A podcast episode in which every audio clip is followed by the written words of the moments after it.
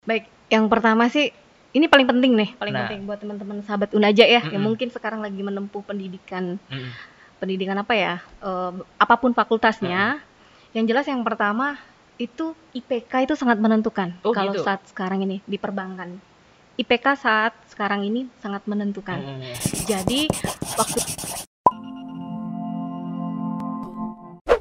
Halo Sobat Unaja, masih bersama saya Ade Oktarino sebagai host podcast Unaja. Nah, kesempatan kali ini kita mendatangkan narasumber yaitu dari salah satu karyawan bank BUMN di Kota Jambi. Nah, yang di mana nanti akan kita bahas yaitu meminta dia untuk bercerita terkait pengalaman kerja di bank BUMN.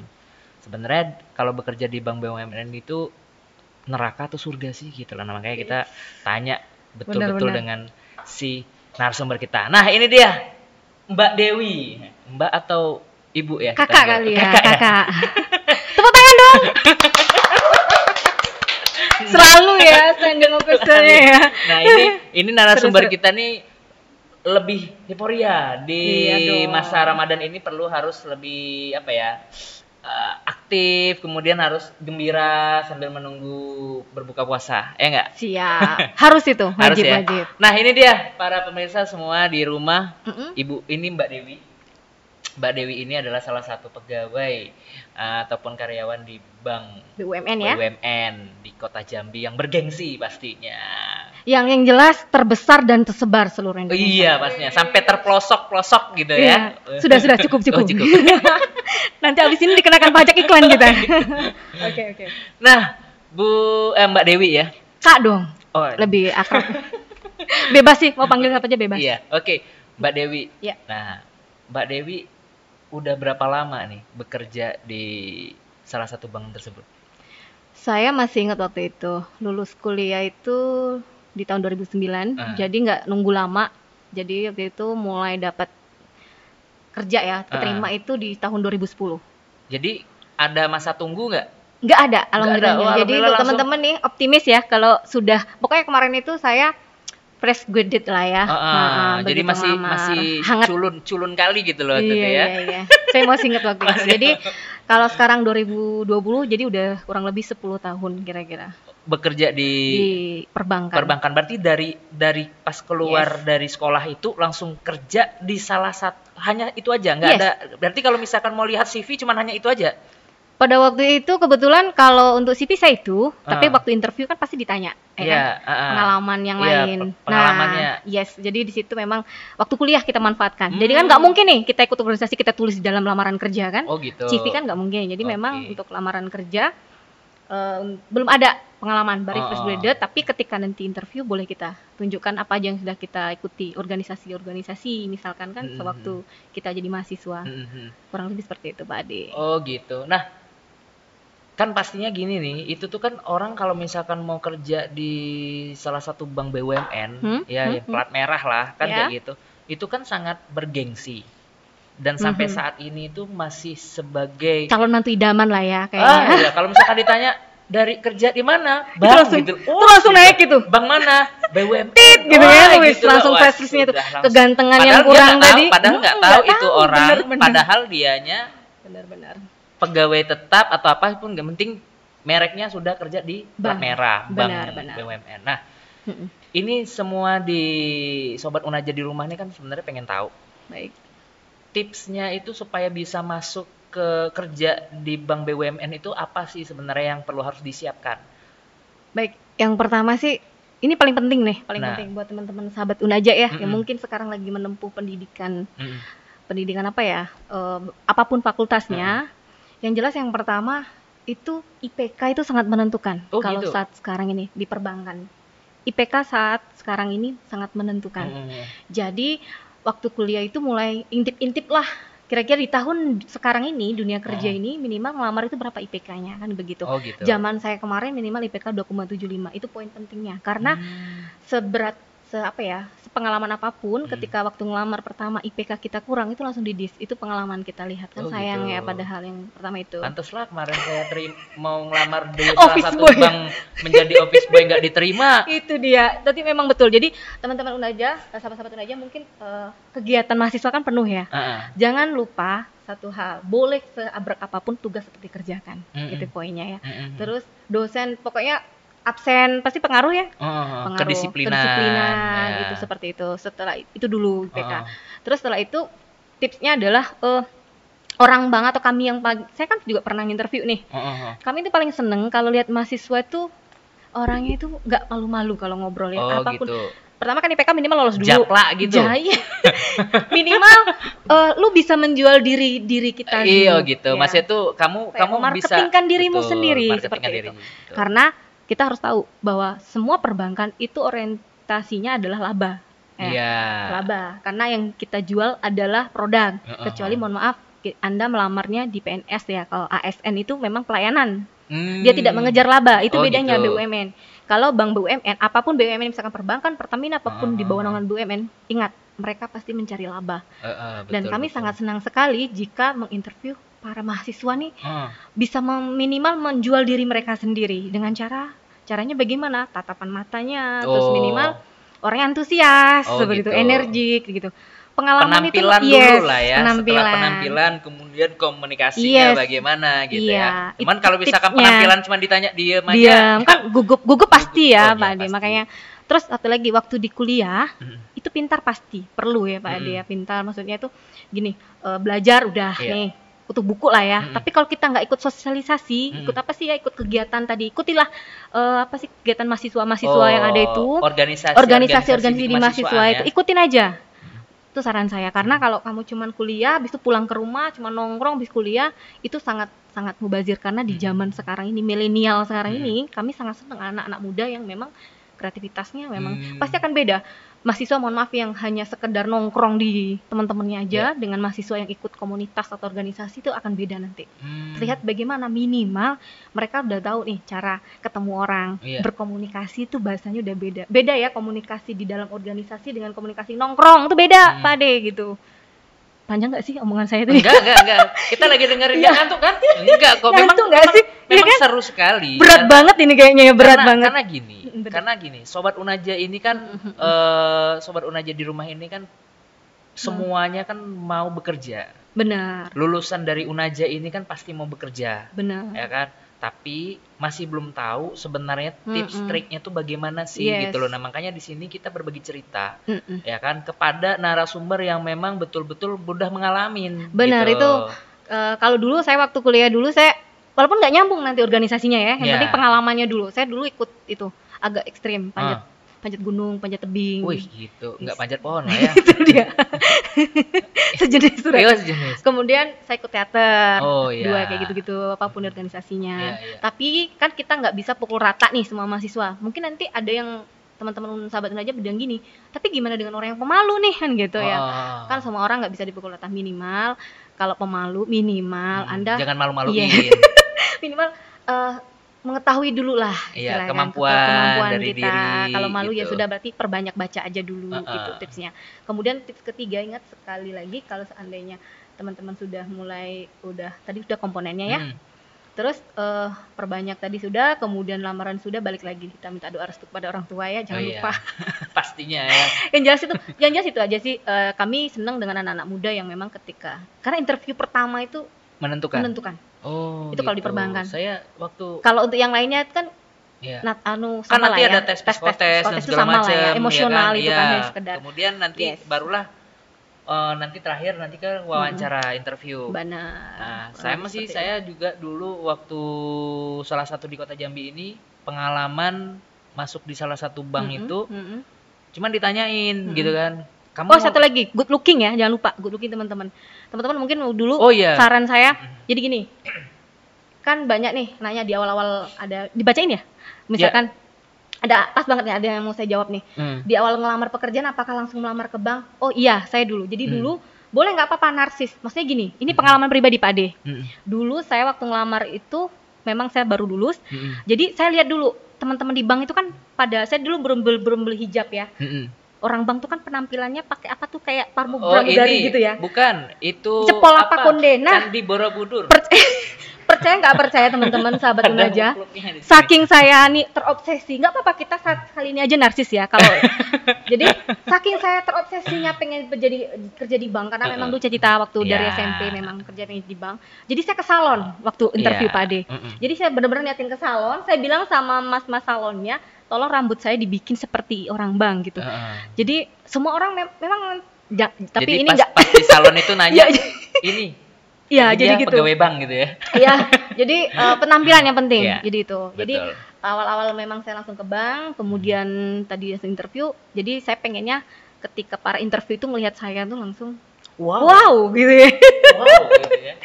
Iya, walaupun nanti di belakangnya mungkin pada pada ngomongin bodo amat, yang penting kita udah dapat satu poin dulu Oke. nilainya. Berarti gini, Gitu. kita harus untuk menghadapi suatu seleksi Iya. pekerjaan itu memang harus totalitas. Yes. Jangan cuma hanya sekedar ya udahlah yang penting kalau Yang misalkan rezeki rezeki Mm-mm. gitu nggak bisa Nggak kita bisa, harus usaha bisa. ya Terus kalau lagi Hmm. cowok-cowok jangan lupa Pak Deh, kalau rambutnya agak gondrong coba ke salon dulu deh, rapiin. botakin gitu ya rapi Dibotakin. ya. Baju. pendek lah yes, gitu lah ya uh-uh, itu penting banget serius. Jambangnya pasti kita akan kelihatan berarti kok. kalau saya nggak niat bisa banget. gitu ya kumis Oh nggak bisa. bisa ya Jambangnya cukur, habis dari Gitu cukur ya. dari salon. Oke. Terus cewek-cewek mungkin facial dulu nggak apa-apa nggak apa-apa itu bagian daripada kita interview. harus kita harus punya Yes. modal lah Iya. intinya gitu ingat bang itu Uh-uh. pasti butuh orang ganteng dan orang cantik. siap Iya Gitu. kan? nah berarti nanti Nah. itu dia sobat unaja ya yang di rumah Yes.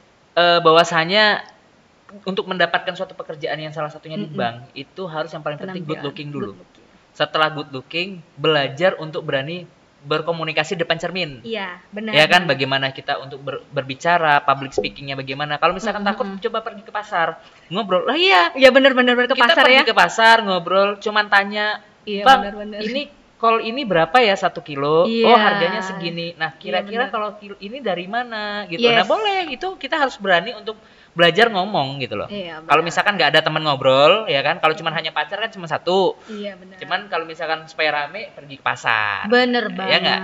Oke. Nah kemudian nih ada lagi nih Mm-mm. pertanyaan dari sobat Unaja yang di rumah. Eh, apakah benar tinggi badan itu memang sangat dipertimbangkan untuk masuk di salah satu perbankan? Yap. Jadi syarat-syarat yang harus kita Ah. penuhi samalah kita kayak ngelamar polisi juga Oh, pasti gitu. tertera ya. IP, Ada- setelah IPK ada tinggi badan. Rata-rata kalau mohon maaf perempuan itu minimal 155. Hmm. Jadi balik lagi cerita pengalaman lagi. Eh, dulu saya tinggi saya itu minim banget 155 teman-teman semua Hmm. sahabat aja. Cuman saingan kita pasti banyak ada 160 cewek-cewek kan Hmm. banyak. Tapi percayalah jika kita tadi dari awal mengetahui kekurangan kita, Hmm. maka kita lebihkan di yang lain tadi. Tapi nggak pakai enggrang juga ya? Enggak juga.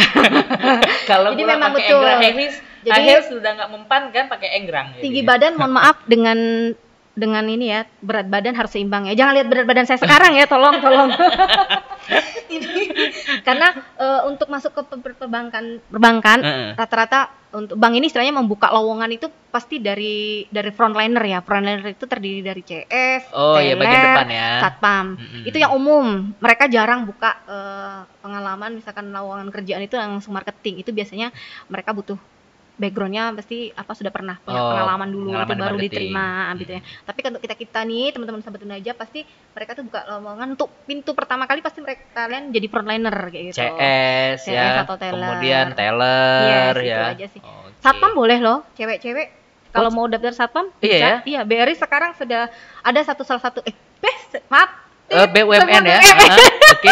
Salah satu Salah BUMN. BUMN itu kalau nggak salah di Pulau Jawa itu Heeh. Eh, karena dia berdirinya karena di Hari Kartini, Ah. jadi semua anggota perempuan semua. Perempuan semua. Laki-lakinya WFH. nggak ada. jadi jadi semuanya eh, itu gitu. tadi. Enak juga ya jadi laki-laki ya pas di Kartini kan semuanya cewek semua yang Iya, laki-lakinya di rumah. benar-benar gitu-gitu. WFH. Kurang lebih begitu. Memang dipertimbangkan banget untuk tinggi badan. Jadi teman-teman mohon maaf kalau di satu di bawah 155 agak ini. Karena nanti ada pengukuran dia. Oh, Ada gitu. ukur, heeh. Oke. Nah, terus gini, kan Hmm. tadi kan eh, apa udah dengerin nih ceritain terkait apa pengalaman untuk mencari apa eh, persiapan kita untuk kerja di Perbankan. perbankan. Hmm. Nah, kita udah diterima nih. Oke. Kayak Mbak Dewi, Mbak Dewi kan sudah diterima. Mm-mm. Pertama kali nih u- pas diterima itu di di posisi apa? Saya dulu waktu pertama kali diterima di posisi langsung jadi teller. Oh, teller. Iya, tiga jadi- bulan. Jadi megang uang dong, megang ya uang, kan? saya di teller. Jadi udah biasa megang uang gitu kan. Yang belum megang masalah, oh gitu. menangani masalah. Nah, terus kan kita kan nggak tahu eh, kan tidak ada namanya kursus megang uang. Benar, benar. Nggak ada benar. dong, Nggak ada ya dong, kan? ada. Nah, itu bagaimana? Apakah kita diberikan suatu training atau ada pelatihan atau apa gitu di bank? Jadi eh sahabat Unaja, jadi gini, kalau sudah kita masuk ke perbankan salah satu perbankan Mm-mm. atau pengalaman pertama nih, Mm-mm, kalau saya kan dulu SK-nya pertama kali jadi teller. mm-mm, Eh, untuk perbankan yang sekarang ini saya bernaung mm-mm. itu nanti akan ada pendidikan namanya. No. Pendidikan. Kalau kami sebutnya pendidikan ya nanti di salah satu sendik sentra Mm-mm. pendidikannya itu ada di Jakarta. Sebelum itu keluar, Mm-mm. itu kan pasti butuh proses kita kan daftarkan dulu tuh Mm-mm. pihak HRD-nya. Nah, kita tuh suruh nempel dulu ke senior kita.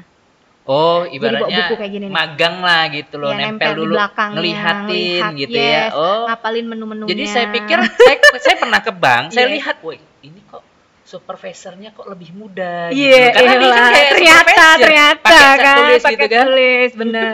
Iya kan? Suruh ngeliat dulu. Gitu. Oh, gitu. Paling lama sehari. Besok Magang, biasanya oh. magang dulu. Heeh. Besoknya biasanya kita suruh bantu rapiin uang dulu gitu. Oh, nyoba dulu, coba Iya, berkecimpung dengan uang, yes, ngitungnya gitu. biasa dulu, nanti baru belajar di rumah Iya gitu. benar. Terus satu hal lagi, eh, pokoknya nanti kan kita ditempatkan tuh di mana Hmm. unit kerjanya. Kita ngikut aja dengan kepala unitnya yang di situ tuh. Misalkan nih, kalau saya kemarin pengalaman pribadi, saya cuma tiga bulan aja di teller. Hmm. Terus habis itu saya dipindahkan ke customer service-nya gitu. Oh. Karena mungkin lihat cerewetnya kali ya. saya lebih lebih karena kalau teller itu kita harus fokus gitu ya. Iya. Kita harus fokus dengan uang, jangan terlalu banyak bicara dengan nasabah. dengan cukup. nasabah. Nah, sementara saya ini terlalu mungkin kan, Iya. terlalu Kan, ibu, Bapak, iya, Ibu, ibu, gitu. iya, iya, iya, gimana bu? Gitu kan. uangnya hilang. Bu- Bukan uangnya lah, yang itu Iya. kertas gitu lah, ya. duitnya sudah. Lalu lalu pada hilang gitu. Jadi teman-teman sahabat aja nanti pokoknya CS ataupun teller itu sama aja. Yang penting frontliner paling seneng apalagi gini, apalagi kita bisa dua-duanya tuh. Keren oh, banget gitu. itu gitu. Oh jadi Apalagi dua-duanya. tempat yang ber, te- eh, setelah dari Mm-mm. CS, eh, setelah dari Mm-mm, teller, mm-mm.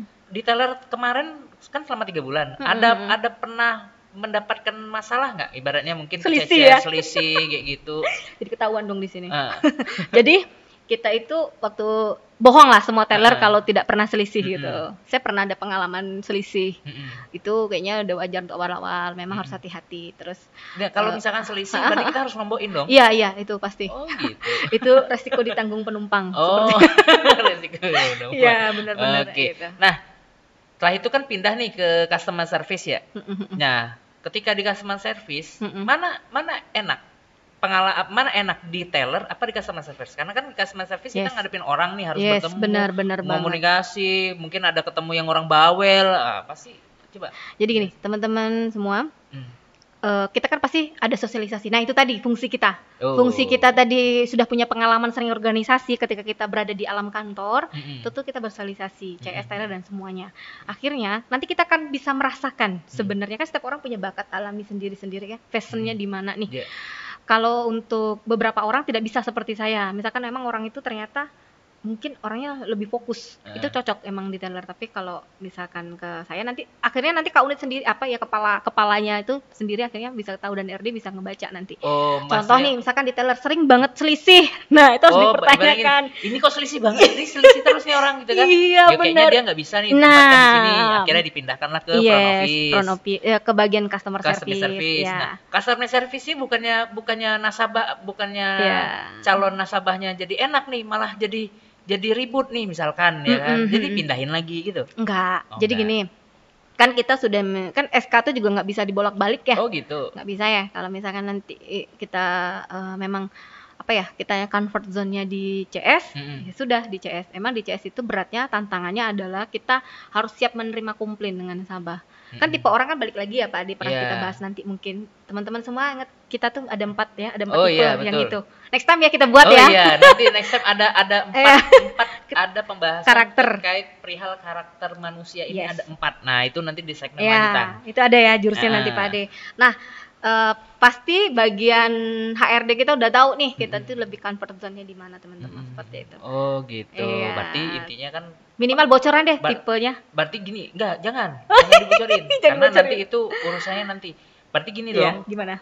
semua itu tidak terlepas dari campur tangannya HRD Iya, untuk pasti. me- untuk Menempatkan. menempatkan. posisi pegawai Yes. tersebut gitu. Jadi kalau misalkan tem- pegawai itu diposisikan A misalkan, Mm-mm. ternyata dia tidak bisa, ya kita juga nggak bisa maksakan. Bener gitu. banget. Ya. Dan orang HRD harus jurusan dari psikologi ya. Oh, itu siap. penting itu, teman-teman semua. Nah, itu dia sobat aja ya. Jadi eh apa bahwa kalian tidak usah takut kalau misalkan ketika kalian misalkan kerja di bank dan ternyata kalian nggak bisa hitung-hitungannya nggak pas lah misalkan ternyata dijadiin teller tidak usah khawatir karena yes, nanti benar. eh, kepala unit ataupun HRD-nya Ya. akan mempertimbangkan nanti Ya. posisinya yang di mana. Nah, Betul. kemudian nih eh tadi kan kita udah ngebahas perihal masalah eh, apa ketika lolos tahap seleksi psikotes dan tinggi badan pada tahap wawancara sangat diperhatikan apakah gesturnya saja atau bagaimana? Oh tadi nih ini ada yang nanya nih Mm-mm. si pemirsa. Kak ketika lolos tahap seleksi psikotes dan tinggi badan pada tahap wawancara wawancara yang sangat diper- diperhatikan apakah gesturnya saja atau bagaimana gitu loh. Jadi pas wawancara tuh yang diperhatikan gesturnya aja atau enggak gitu? Enggak dong, pasti eh itu udah satu paket kayaknya sih. oh gitu. Misalkan gini nih, gestur kita udah oke nih, kita udah Heeh. mungkin udah belajar ya, udah Hmm. belajar udah mati-matian nih. Berarti tatapan kita harus ini kan kaki harus di bawah misalkan Oh, ya, gitu. mata harus ngelihat. Heeh, heeh. Tetapi kalau yang ditanya kita nggak nyambung, kita nggak bisa Sama jawab aja sama gitu. aja. Oh, gitu. Jadi, Jadi- ibaratnya tuh satu paket lah ya setelah Yes. setelah lolos tahap seleksi psikotes. Ingat wawancara kemudian menentukan tinggi teman-teman badannya semuanya. sudah oke.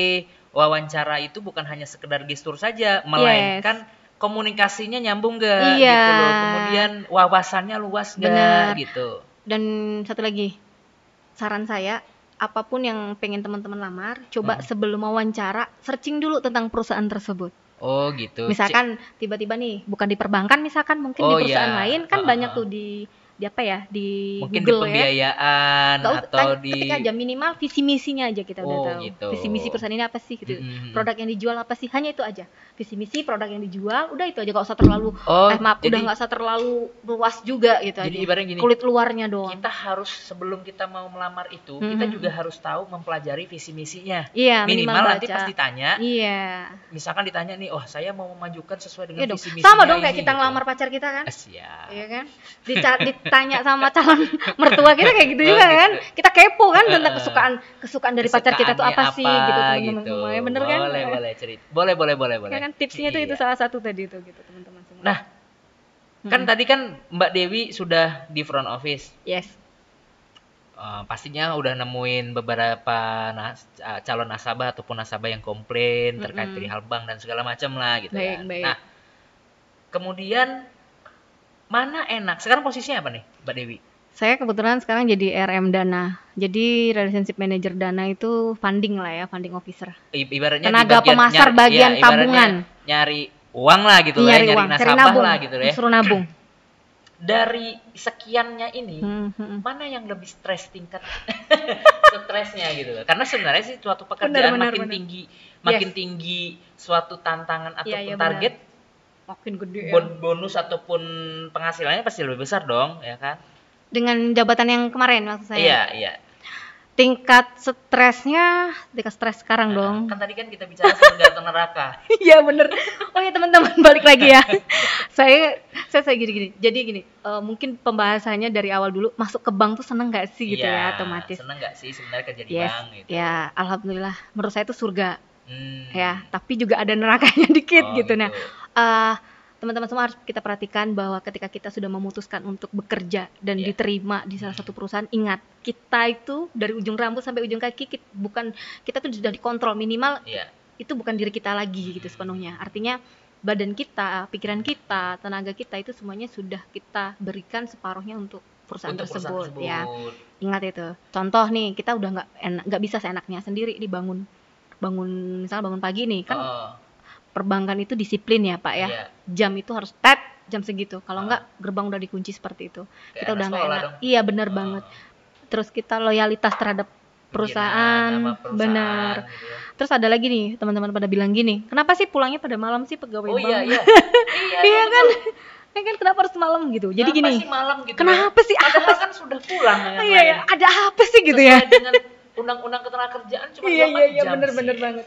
Jadi balik lagi. Ah, teman-teman gini di perbankan itu sistemnya kerja hari ini kita mulai hari ini maka harus kelar juga hari ini Oh, jadi udah gitu. nggak ada lagi buat besok Oh. jadi termasuk apa ya eh, contoh nih kita CS dan teller nih semua dokumen pembukaan rekening pem- setiap dokumen orang yang transaksi di teller itu harus kita pakai kita pakai emang harus hari ini hari ini di bundle selesai masuk gudang jebret Hmm. gitu kurang lebih seperti itu Jadi artinya Ya. kalau di hari itu rata alhamdulillah salah satu perbankan yang sekarang ini saya naungi eh, itu kan luar biasa ya ramenya saudara iya iya iya ngerti gitu.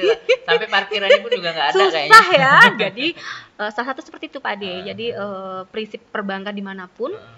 memang kerja hari ini harus tetap selesai hari ini Oh, jadi tapi bagus sih sebenarnya. iya eh, sama kita kayak dagangan yang buka warung di pinggir jalan Lah iya, selesai langsung tutup harus lagi tutup. Kalau misalkan hujan ya harus selesai. ya harus selesai gitu mau nggak mau apa pun yang terjadi harus selesai gitu Ah. jadi memang misalkan ada selisih ya harus selesai hari itu seperti itu jadi Hmm. jangan ada yang menggantung di Berarti keesokan intinya hari gini, berarti intinya gini, Hmm. ada namanya pelaporan kepada kepala ke, Yes. kepala unit atau ke Iya, pimpinannya masing-masing ibaratnya benar. serah terima lah bahwa pekerjaan hari ini kelar. Jadi nggak nggak berarti gini ya. Ada bat, ada ada namanya jam pelayanan. Iya. Setelah selesai Iya, dalam jam pelayanan, pelayanan. berarti ada jam khusus untuk pelaporan. bener banget Oh gitu. mantan orang bank ya Hah? mantan kerja di bank kayaknya nih Eng- nggak ada kawan sih kerja di bank gitu. bener bener bener Nah, ini ada pemirsa lagi nih ya, sobat Unaja yang nanya nih. Mbak, jenjang karir di perbankan itu termasuk cepat atau lambat dalam mempromosikan karyawannya? oh gitu ya Ah, ah. Alhamdulillah jadi gini setiap perbankan kan beda-beda lagi ya Mm-mm. saya balik lagi karena kita bicaranya perbankan yang Mm-mm. saya naungi dulu saya jenjang karir saya dari CS teller Mm-mm. dulu jadi gini di CS itu kita masih pegawai kontrak Pak Ade Mm-mm. jadi pertama kali kita masuk frontliner itu kita kontrak dulu dengan Mm-mm. perusahaan Mm-mm. tersebut kemudian Mm-mm. setelah itu ada jenjang karir tadi ada promosi tadi jenjang Mm-mm. karir Mm-mm. itu minimal kalau dari frontliner Mm-mm. ke mana ya ke Mm. pegawai tetap lah Iya. itu dua tahun Oh. jadi itu dua tahun dua tahun dulu jadi oh, berarti ada, frontliner ada masanya gitu. kalau saya kemarin nggak ya nggak ujuk-ujuk mm-mm. langsung naik gitu Kan bisa. Kan mereka juga setahunnya itu kurang lebih ada ikatan ada ikatan dinas juga pak Ade jadi gini teman-teman semua kalau udah keterima CS dan Taylor tidak Hmm. bisa langsung nikah tuh ada ada ikatan oh, ada dinasnya kontrak, ada kontraknya kontrak. Eh, kalau nggak salah itu dulu kalau nggak salah setahun baru boleh menikah jadi Hmm. untuk teman-teman kalau misalkan ceweknya keterima di perbankan Hmm. udah berencana mau nikah minimal kalau dulu enam bulan apa berapa kalau saya Hmm. dulu tahun sekarang enam bulanan kayaknya udah apa lagi udah boleh gitu Hmm. ditunda dulu berarti. Aduh, harus masa dinasnya diselesain dulu gitu seperti itu terus kalau kita udah jadi pegawai tetap seperti saya Mm. ini nanti eh, itu sama rata-rata hampir saya pukul rata aja lah ya kira-kira Mm. kurang lebih dua tahunan lah nanti dua tahunan ada job opening kayak gitu-gitu Nah, oke, itu seru juga ya. Nah, ini ada juga nih pertanyaan nih dari sobat Unaja. Mm-mm. Bagaimana sih Mbak Mm-mm. eh, tanggapannya mengenai wanita karir itu kan se- sekaligus juga menjadi ibu di per- di perbankan. Mm-mm. Sangat sulit nggak sih sebenarnya bagiin waktu antara keluarga atau apa atau uh, entertain atau apa gitu Iya, ya kan? bener-bener. Nah, banyak yang resign nggak sebenarnya di perbankan? Salah Banyak satunya banget. Gitu ya. Pengalaman dong. jadi eh oke kita Hmm. harus cerita dulu ya wanita Ah. karir Ah, aduh ah. saya Ah. kalau denger wanita karir tuh kayaknya kesannya dulu kayak super sibuk gitu ya Oh gitu ya. Mm-mm. Jadi Ah. gini teman-teman semua sahabat. Jadi ketika kita memutuskan untuk bekerja balik lagi, Mm. Sebenarnya pada waktu itu kita sudah memutuskan bahwa kita siap berkarir.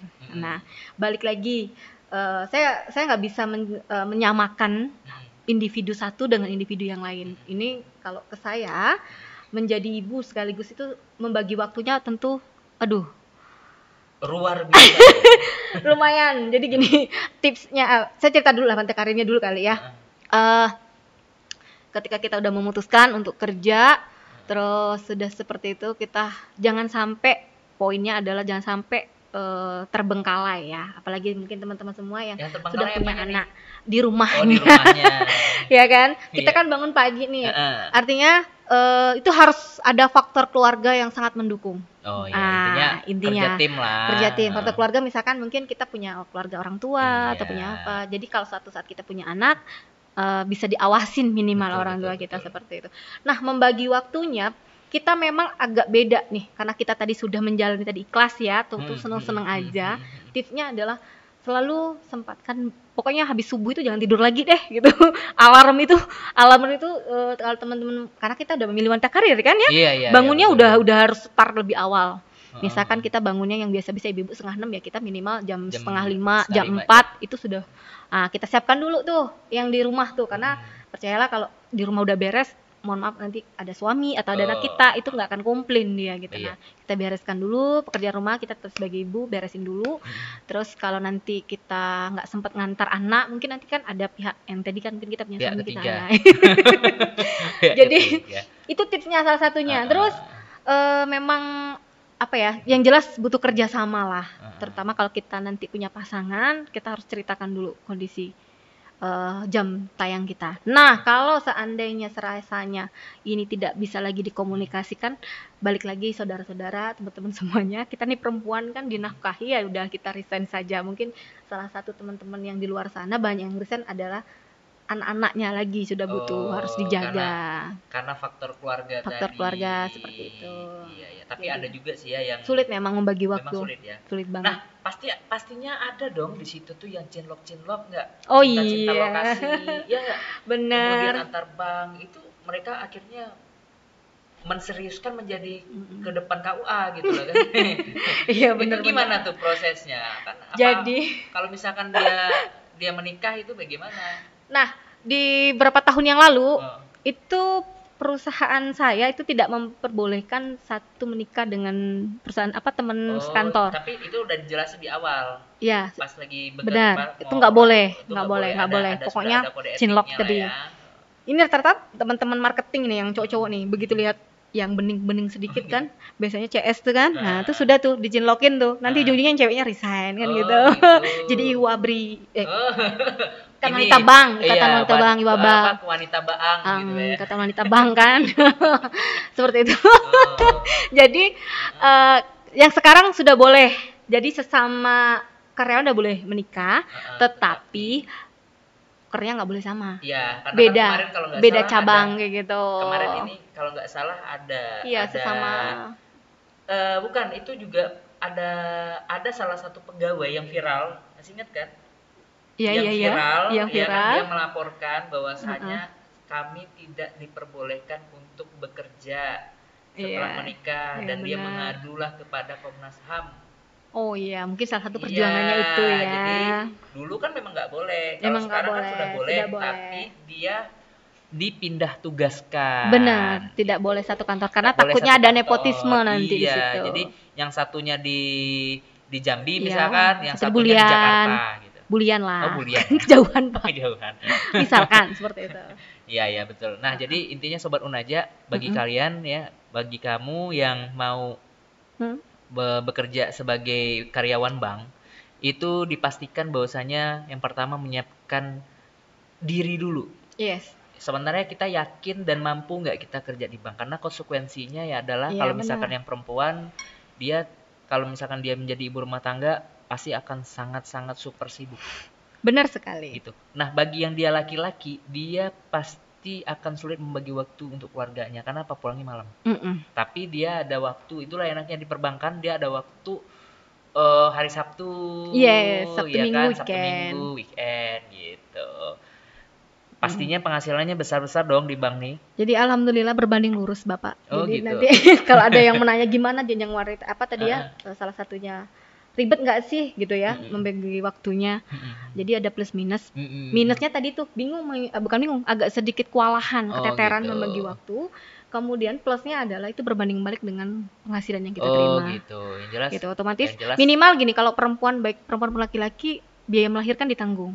Oh gitu. Bocoran Enak sedikit kurang lebih seperti itu. Ya? Yalah, Kita karena sakit kan, ditanggung. karena kayak kan BUMN perusahaan tadi. BUMN. Kita ditanggung. Terus kita juga ada sistem laba dan sebagainya. ada Jadi otomatis bonusnya juga. minimal gitu kan. kita untuk tempat tinggal nanti kan mau Hmm. cari KPR, mau cari Hmm. kendaraan kan minimal semua perbankan kayaknya memudahkan lah untuk Memudahkan. karyawannya. Minimal eh, apa ya privilege kita hidup kita tuh kan kita kerja kan pengennya otomatis kan cita-citanya pengen punya rumah Mm-mm. itu kalau di Indonesia ya di Indonesia rata Hmm. seperti itu pengen punya rumah pengen punya kendaraan gitu ya udah udah udah udah udah privilege semua orang lah kayak gitu itu minimal insya Allah terpenuhi lah teman-teman semuanya Oke, minimal, seru gitu. juga sih sebenarnya. Iya. Nah, itu dia sobat aja. Jadi kalian masih banyak nih kesempatan benar untuk men- mendapatkan suatu posisi salah satu Mm-mm. menjadi tenaga apa ya tenaga karyawan di salah satu perbankan BUMN dan ini juga nggak harus BUMN aja swasta pun sebenarnya sudah sama ya nggak benar oke baik nah sama satu lagi nih Eh, Mbak Dewi sebelum kita tutup